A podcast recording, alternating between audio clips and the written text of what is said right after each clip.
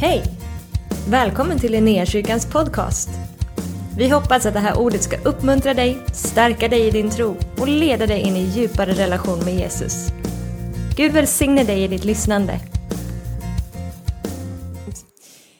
Förra veckan så predikade jag och då började jag prata lite om församlingens identitet och vilka vi är i Gud som hans folk.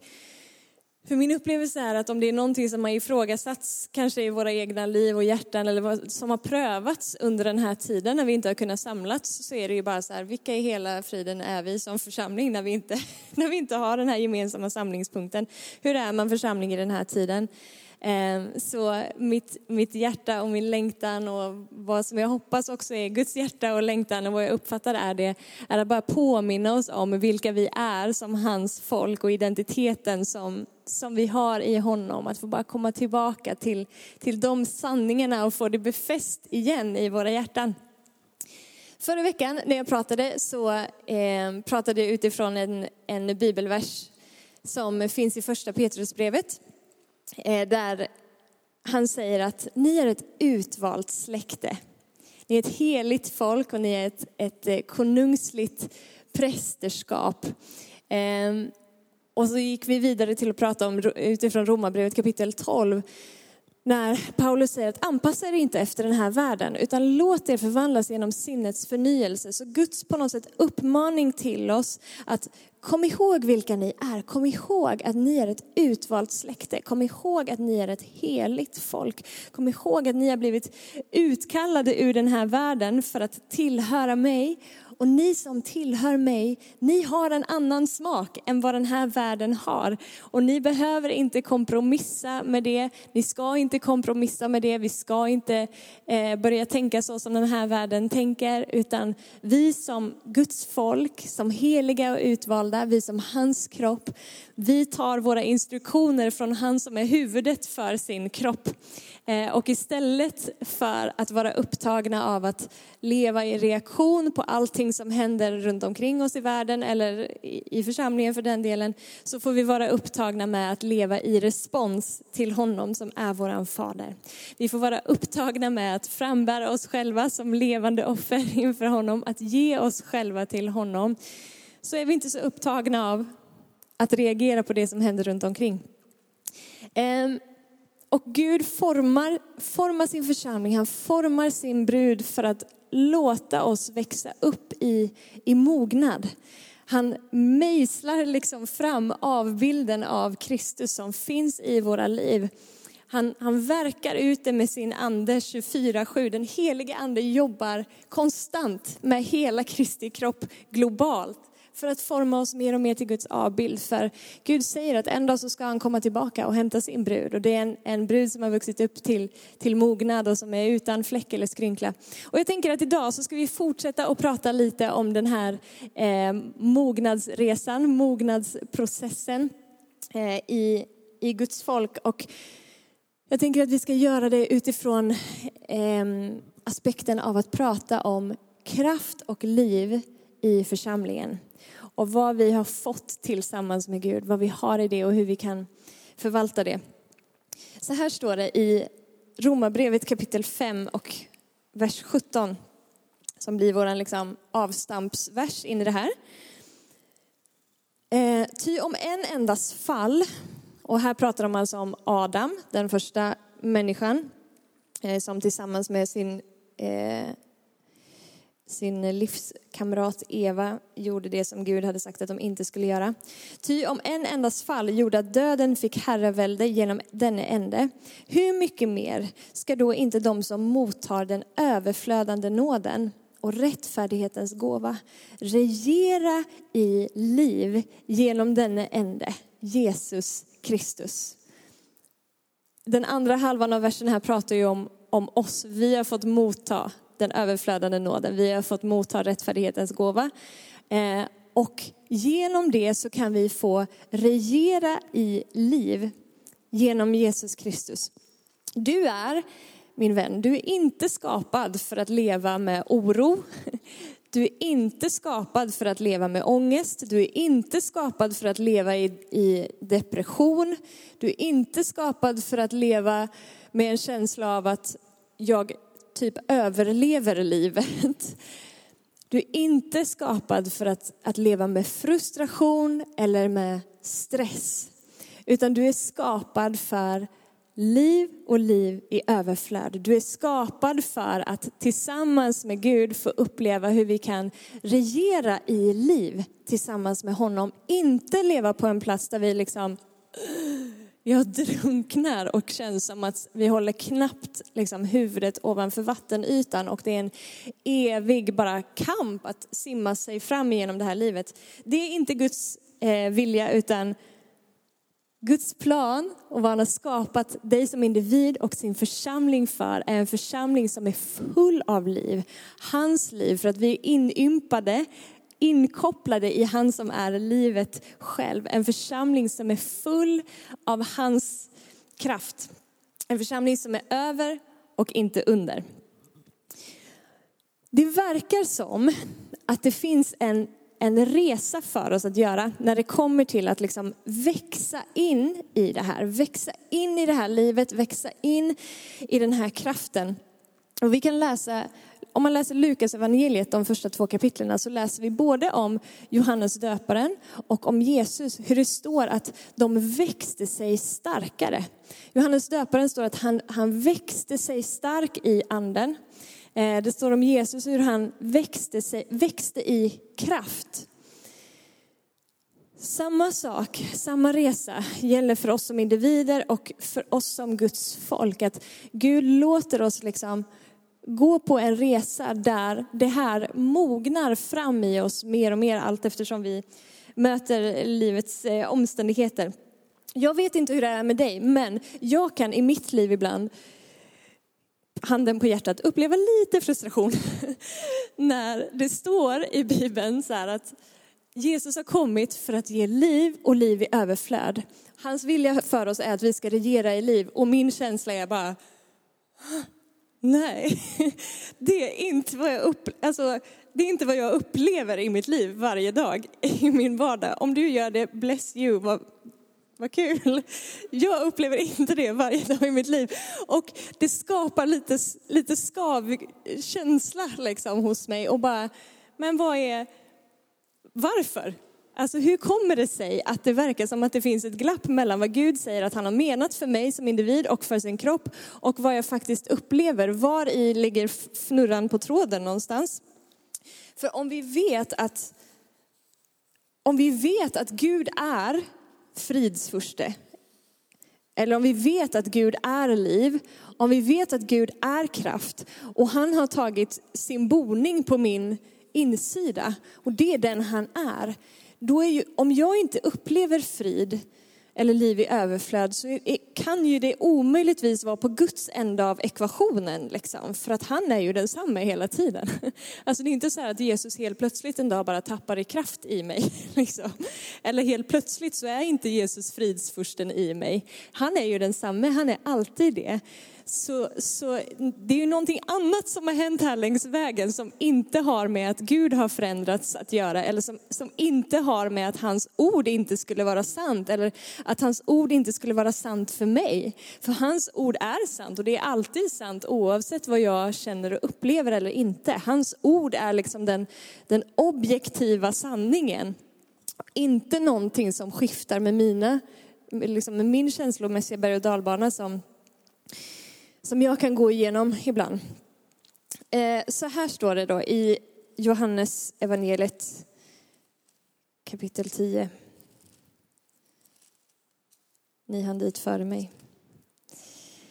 Och vers 10. Tjuven kom, nu han pratar om eh, eh, Satan här. Tjuven kommer bara för att stjäla, slakta och döda, men jag, alltså Jesus, som säger det här. Jag har kommit för att de ska ha liv och liv i överflöd. Tjuven kommer för att stjäla, slakta och döda. Hur stjäl han och slaktar och dödar? Eller för det första, vad är det han vill stjäla och slakta och döda? Han vill stjäla det som Jesus har kommit för att ge mig. Okej? Okay? Jesus säger, jag kommer för att du ska ha liv och liv i överflöd. Tjuven kommer för att försöka stjäla det ifrån mig. Och allt som hör till det här liv och liv i överflöd, det vill säga rättfärdighet, frid och glädje i den helige ande. Det är tjuven där för att försöka liksom plocka bort ur ditt och mitt hjärta. Hur gör han det här? Är det någon som har hört talas om, eh, liksom hört begreppet battlefield of the mind? Liksom stridsfältet i vårt sinne. Så tjuven han är en lögnare, han är lögnens fader och hans strategi för att stjäla det här ifrån oss, som Gud säger faktiskt, det här är ditt. Alltså din rättmätiga arvedel som mitt barn är liv och liv i överflöd. Din rättmätiga arvedel som mitt barn är kraft. Din rättmätiga arvedel som mitt barn är rättfärdighet, frid och glädje i den helige ande. Allt det är, är eh, tjuven där för att försöka plocka bort ifrån oss genom att mucka med det som sitter här innanför vårt pannben.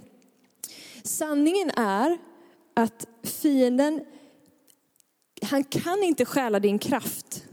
Varför? För han kan inte pilla på den helige ande i dig.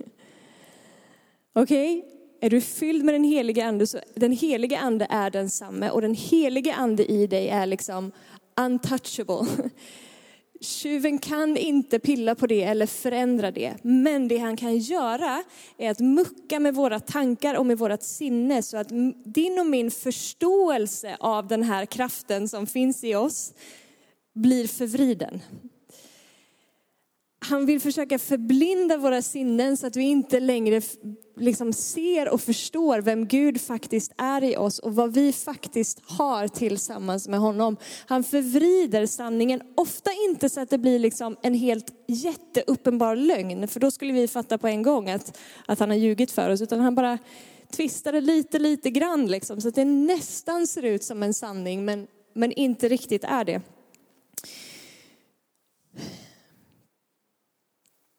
Ibland så Nu talar jag utifrån mitt eget liv igen.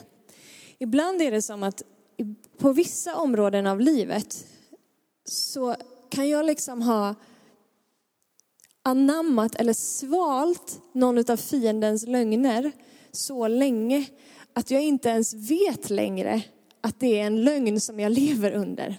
Det har blivit en så stor del liksom av min verklighet eller hur jag tänker om mig själv att jag, inte ens, att jag inte ens tänker att det är onormalt. Jag kanske inte ens längre tänker att det är onormalt att jag går runt och liksom känner mig lite deppig på det här området. Jag kanske inte tänker att det är onormalt att jag går runt och känner mig rädd. Eller att jag har ångest. För det har liksom blivit en sån integrerad del av mig för att jag har svalt de här lögnerna som, som fienden muckar med liksom, i mig. Men Gud med den helige ande kommer med sitt ljus och uppenbarar de här lögnerna, visar oss vad hans sanning är för att sätta oss fria. Men kanske du som jag ibland går med tank, en tanke mer eller mindre medvetet som säger till exempel, jag kommer aldrig bli fri från det här. Det kommer alltid vara så här.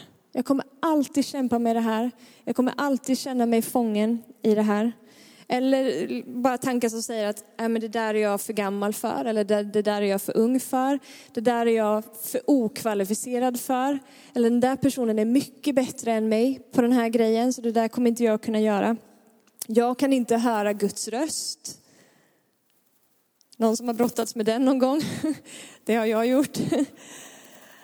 Alltså på riktigt hörni, är inte det bara, fy vilken dum lögn. Det är, våran, det är våran rättighet som Guds barn att höra Gud tala. Och han har gett oss sin ande för att vi ska veta vad vi har fått av Gud. Vi, ni kan alla höra Guds röst. Och ändå ser det som att vi brottas med den så många gånger. Jag hör inte Guds röst. Det är en lögn ifrån djävulen. Jämförelsegrejen att mäta sig mot någon annan. Det är också bara sånt som håller oss i, i fångenskap, liksom. Som inte kommer ifrån Gud. Okej, okay. vi går vidare till nästa bibelvers. Det finns en vers som säger så här i, i Ordspråksboken kapitel eh, 4 och 23. Mer än allt som ska bevaras eh, så ska du bevara ditt hjärta, för därifrån utgår livet. Okej? Okay? Jag kommer för att ni ska ha liv och liv i överflöd. Varifrån utgår livet? Från vårt hjärta. Därför så ska vi bevara vårt hjärta. Jag, brukar säga, jag jobbar ju på Bibelskola Väst här i stan också och jag brukar säga till eh, eleverna där ofta You are the gatekeeper of your own heart. Alltså, du är ditt eget hjärtas väktare. Jag liksom har fått auktoritet ifrån Gud att bestämma vad som får komma in i mitt hjärta och vad som ska ut ur mitt hjärta. Jag kan öppna dörren för vad jag vill och jag kan stänga dörren för vad jag vill. Hur gör vi det här? Hur bevarar vi vårt hjärta? För någonstans, det jag har försökt slå fast här nu är ju, om Jesus säger jag kommer för att du ska ha liv och liv i överflöd, det finns ett liv fullt av kraft. Och jag inte upplever det i mitt liv, så är inte problemet på Guds ände av ekvationen, utan det är för att det är någon som är där och försöker stjäla det här ifrån mig. Han gör det genom lögner i vårt sinne. Hur bevarar jag mitt hjärta på en plats där jag kan leva med det här liv och liv i överflöd. Genom att vaka över mina tankar. Att vakta över vad jag, vad jag vilar min tanke i. Det är lättare sagt än gjort. Men jag tror att Gud tränar oss i det. Jag vet att Gud tränar oss i det här. Och tack och lov för den helige ande. Tack att jag inte behöver liksom gå soul searching för mig själv här, utan den helige ande är, är här och uppenbarar. Men hur, hur vaktar vi över de här tankarna? Jag tror så här att vi, ibland är vi lite för passiva. Och så intar vi liksom den här positionen och bara, gode Gud hjälp mig. Och han bara, men hallå, vad har jag gett dig? Kom igen nu Lovisa, res dig upp. Aktivera din tro, förlös din tro, sätt din tro i omlopp. Liksom. Det finns någonting av den helige andes kraft som bor i dig, som du kan använda och bara säga no more, no more messing with my mind. Det som har liksom löpt amok här inne, som jag inte vill ha här inne, enough is enough. Nu säger jag stopp i Jesu namn. Och vet du, ingen annan kan göra det åt dig än dig själv. För du är ditt eget hjärtas väktare. Det är ingen annan som kan säga till ditt hjärta, du får inte släppa in den här och den här tanken. Det är du som vakar över ditt eget hjärta och bestämmer vilka tankar du släpper in och vilka tankar du inte släpper in. Vi vill ha det som kommer ifrån, ifrån Gud. Vi är barn till Gud. Vilket innebär att vi har, vi har alltid rätten liksom att bara säga, Fader hjälp mig. Pappa hjälp mig. Jag är, alltså jag är liten och jag känner mig hjälplös. Kom och hjälp mig. Men det finns också en annan sida av det här barnaskapet där Gud faktiskt tränar oss i att ställa oss upp tillsammans med honom och att vi inte liksom hamnar i den passiva liksom bara så här väntar på att Gud ska liksom bara lyfta mig ur och befria och göra hela jobbet åt mig. Utan Gud tränar oss som folk i att samarbeta med hans ande i oss och ställa oss tillsammans med den helige ande i oss som säger stopp till den här tanken i Jesu namn. Välkommen till den här tanken i Jesu namn.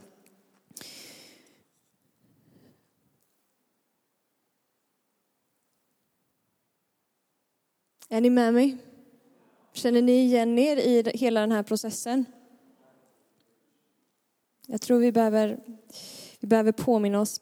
Ett av sätten som Gud låter sin brud växa i mognad på är genom att låta oss ställa oss inför utmaningar där vi behöver samarbeta med hans ande i oss. Där vi behöver liksom utöva, aktivera, förlösa den här kraften och den här tron i och genom våra liv. Lite som när man går på gym. Och man lyfter vikter liksom för, att, för att musklerna ska växa. Och så, så ställer Gud oss inför en utmaning där vi faktiskt, det finns ingen så här quick fix. Alltså jag skulle också jättegärna vilja bara vakna upp en dag och vara biff liksom och supervältränad. Men det, det funkar liksom inte så. Jag behöver utsätta min kropp för lite, lite press och lite tyngd och lite brottning och lite stretch liksom för att det här ska hända. Och precis likadant funkar det i ditt och mitt liv i tron. Om vi aldrig skulle möta de här utmaningarna, hur skulle vi då växa? hur skulle jag växa i min ande om jag inte ställs inför en situation där jag liksom tvingas att aktivera min, min tro? Det som, det som jag faktiskt bekänner mig till, det som jag säger i teorin att jag tror. De, de prövningarna behöver eh, komma och då, om vi gensvarar i vår ande till det, så kommer vi att växa, så kommer vi att mogna och vi blir starka tillsammans med Gud. Här kan vi inte sitta och vänta på att det ska kännas rätt. För våra känslor följer våra tankar. Okay, så vad jag känner är ett resultat av vad jag tänker.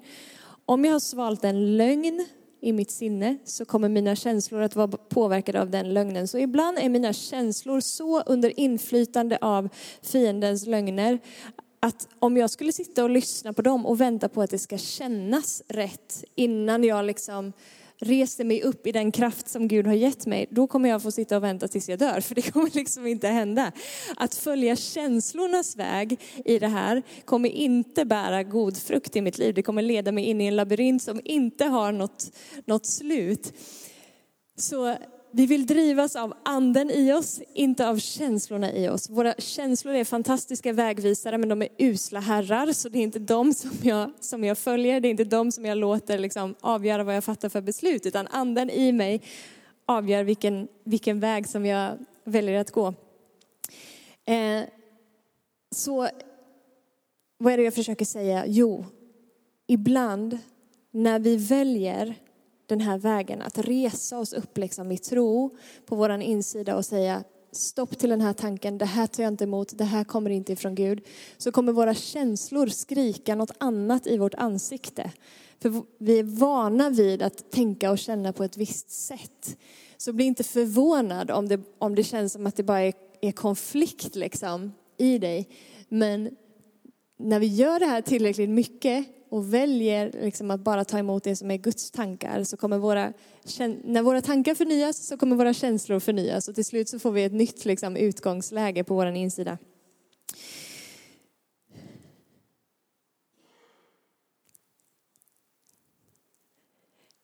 Du och jag behöver inte ta emot varje tanke som flyger genom ditt och mitt huvud. För alla tankar som flyger genom ditt och mitt huvud kommer inte ifrån Gud. Tack och lov. Och jag tror, jag vet att den helige ande i oss vill låta oss växa i urskiljning så att du och jag kan snabbare liksom bli medvetna om när någonting inte kommer ifrån Gud så att vi bara kan näpsa det på en gång innan vi har hunnit börja meditera på det här. Innan du har låtit det här bli en del av dig själv. Innan du liksom börjar vila ditt hjärta i en tanke som säger, jag kommer aldrig bli fri från det här. Eller, det har redan skitit sig så det spelar ingen roll vad jag gör nu, det kan lika gärna skita sig lite till. Det spelar ingen roll. Och så fortsätter vi leva i ett ännu djupare fängelse. Liksom. Innan vi kommer till den punkten att det där blir liksom en del av hur vi identifierar oss själva så får vi bara, vad kom det där? Det där tar jag inte emot. Det där kom sannoliken inte från Gud. Så är vi lite så väktare i hjärtat, bara nej, nej, nej, nej, nej. De här lögnerna har inte fritt inträde i mitt liv. Mitt hjärta ska vara en lekplats för den helige ande och inte för fiendens lögner. You better stay out. Och återigen, det är bara du som kan göra det i ditt eget liv. Vill Gud befria dig? Verkligen. Vill han att du ska växa i mognad och behöva agera på din tro? Verkligen. Han hör dig när du ropar och han kommer vara där, men ibland så tror jag också att han bara, kom igen Lovisa, You got this. Du vet vad du ska göra. Förlös din tro. Använd auktoriteten här som, som du har fått nu. Ordspråksboken 25 och 28 säger så här, som en nedbruten stad utan murar är den man som inte kan styra sitt sinne. Och vi kan ta nästa på en gång här också från Saltaren. Gud, du rustar mig med kraft och gör min väg fullkomlig. Du gör mina fötter som hindens och ställer mig på mina höjder. Du lär mina händer att strida, mina armar att spänna kopparbågen. Du ger mig din frälsningssköld, din högra hand stöder mig, din ödmjukhet gör mig stor. Han lär dina och mina händer att strida, inte mot varandra. Vi strider inte mot kött och blod, men vi strider mot, mot eh, andemakter och hur strider vi? I Jesu namn. Bra. Eh, andra Korinthierbrevet kapitel 10. För även om vi lever i världen så strider vi inte på världens sätt. Vapnen vi strider med är inte kötsliga utan har kraft från Gud att bryta ner fästen. Ja, vi bryter ner tankebyggnader och allt högt som reser sig mot kunskapen om Gud. Och vi gör varje tanke till en lydig fånge hos Kristus.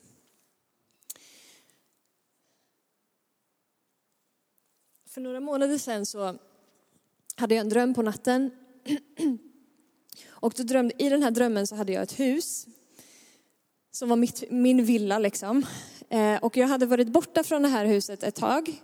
Och när jag kom tillbaka så stod alla dörrar på vid gavel och fönstren var sönderslagna. Och huset var helt plundrat på, på saker och det var liksom kaosrörigt där inne.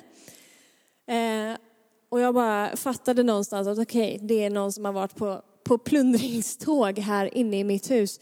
Jag behöver gå in och, och liksom rädda mina viktiga saker. Rädda det som räddas kan ungefär. Så går jag in i det här huset och tittar mig omkring i den här röran och bara, hjälp det här var ju inte bra.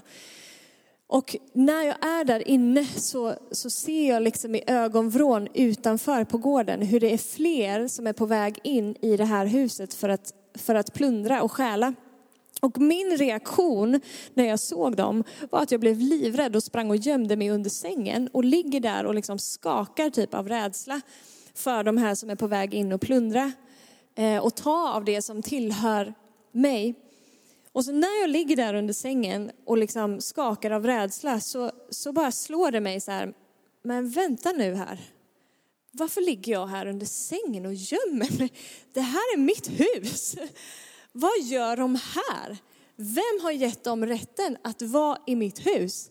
Nu, nu rackars. Alltså jag blev så fruktansvärt arg när jag liksom insåg min egen reaktion i det där och bara, det här, alltså vem har gett dem rätten att gå in i mitt hus? Ja men uppenbarligen ja, eftersom jag inte, eftersom jag inte sätter stopp. Liksom. Här ligger jag och gömmer mig och är rädd och de bara, här kan de knalla in liksom, hur som helst. Och när jag vaknade så hade jag liksom känslan av att okej okay, det här gäller inte bara mitt liv. Den här drömmen på något sätt står för någonting som är, som är större liksom, och så, som, symboliserar, som symboliserar Guds församling som hans hus. Och hur vårt förhållningssätt ibland är att vi har inte alltid lärt oss att resa oss upp i den kraft och auktoritet som vi har tillsammans med Gud.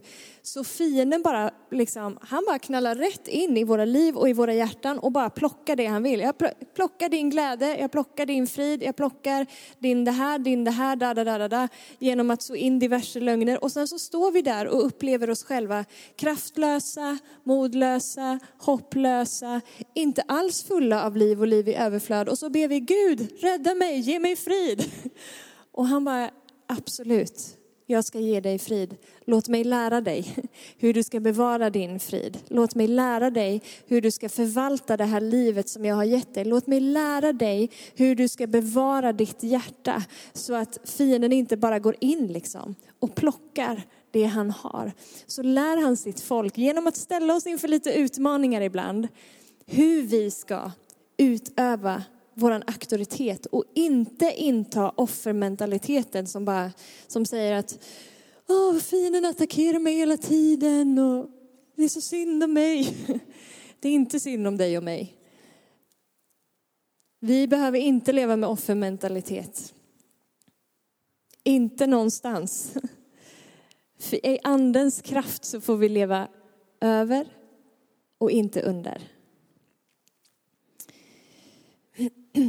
Vi brukar, vi brukar betona, vi pratar mycket om det här i Linnéakyrkan.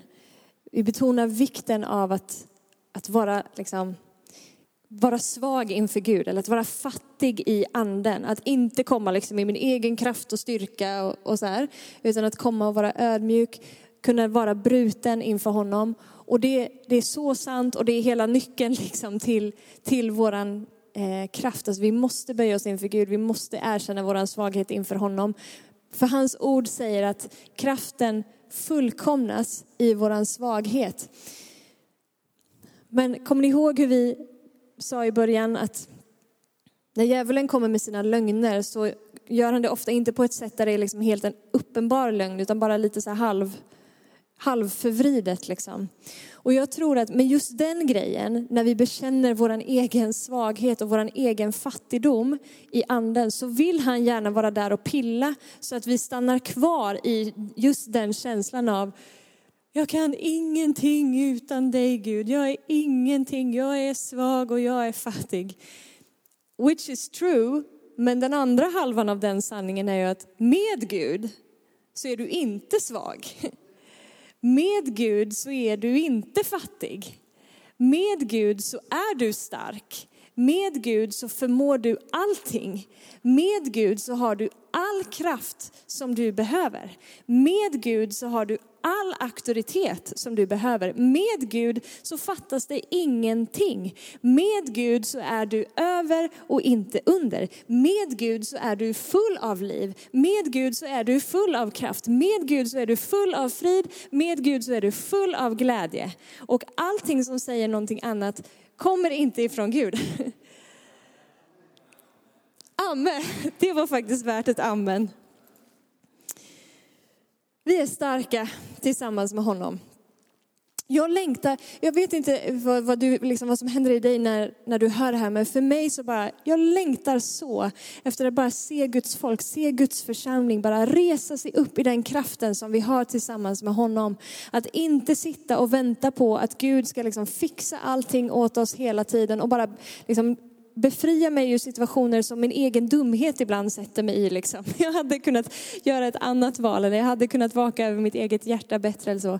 Men att vi skulle resa oss upp och liksom, faktiskt leva i all den, allt det livet, i all den kraften som är vårt tillsammans med honom. Och det här med att bevara sitt hjärta genom att vaka över sina tankar, aktivera vår tro och använda vår auktoritet är hela nyckeln till det tror jag. Eh, två sista bibelord, sen ska vi eh, runda av. Efesierbrevet kapitel 6. Till sist, bli starka i Herren. Okej, okay, så vi är starka och vi blir starka. Det är någonting som vi växer in i. Till sist, bli starka i, hans, i Herren och i hans väldiga kraft. Ta på er hela Guds vapenrustning så att ni kan stå emot djävulens listiga angrepp. Vi kämpar inte mot kött och blod, utan mot furstarna, mot makterna, mot världshärskarna här i mörkret och mot ondskans andemakter i himlarymderna. Ta därför på er hela Guds vapenrustning så att ni kan stå emot på den onda dagen och stå upprätt när ni har fullgjort allt. Stå alltså fasta med sanningen som bälte runt höfterna, klädda i rättfärdighetens pansar. Bär som skor på era fötter den beredskap som fridens evangelium ger. Ta dessutom trons sköld med den kan ni släcka den ondes alla brinnande pilar. Okay, kommer ni ihåg? You're the gatekeeper of your own heart. Så rättfärdighetens pansar, trons sköld som liksom står emot det här som försöker tränga sig in eh, och liksom ta död på livet i dig. Ta dessutom trons sköld, med den kan ni släcka den ondes alla brinnande pilar. Ta emot frälsningens hjälm, alltså beskydd för våra tankar och andens svärd som är Guds ord. Gör detta under ständig bön och åkallan och be alltid i anden. Att regera i liv och att vara stark i Gud innebär ju liksom givetvis inte att vi är befriade ifrån eh, prövningar i livet eller lidanden eller svåra situationer. Men eh, så här står det i Romarbrevet kapitel 8. Eh, vem kan skilja oss från Kristi kärlek? Nöd eller ångest, förföljelse eller hunger, nakenhet, fara eller svärd. Det står ju skrivet, för din skull dödas vi hela dagen, vi räknas som slaktfår. Alltså, inte så roliga omständigheter. Men i allt detta vinner vi en överväldigande seger genom honom som har älskat oss. Amen. I allt detta, alltså i allt detta, i alla prövningar, så kan vi ändå liksom ha en mentalitet av att vara en övervinnare för att jag vet vem jag är tillsammans med Gud och jag väljer att resa mig upp i det. No more med att vara en dörrmatta som fienden bara kan trampa in på och klampa hur som helst liksom i mitt liv och, och stjäla det ena efter det andra. Nej tack. I allt detta så kan jag vinna en överväldigande seger tillsammans med honom. Amen. Jag tänker vi ska göra en sak tillsammans. På tal om att vi ska aktivera och förlösa våran tro. Eh, det, finns, det här kanske är mer vanligt förekommande i vissa amerikanska kyrkor än vad det är i, i svenska kyrkor. Jag vet inte. Eh, men om du har en bibel med dig kan du ta fram den och har du en, inte en bibel med dig men du har en telefon med dig, öppna bibelappen i, i din telefon. Det spelar ingen roll vart du öppnar i appen, men öppna bibelappen i alla fall. Det ligger nog lite biblar på sidorna där också som man kan låna.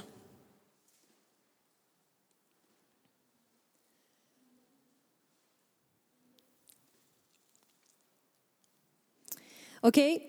andens svärd, Guds ord. Hur, hur bevarar vi vårt hjärta och våra tankar? Vi använder oss av Guds ord. Eh, vi säger samma sak över oss själva och över, över våra liv, över varandra, som Guds ord säger över oss. Eh, du kan lägga upp den där texten där på, eh, tack. Så här säger man i en del kyrkor. Det här är min bibel. Jag är vad den säger att jag är. Jag har vad den säger att jag har. Och jag kan göra vad den säger att jag kan göra.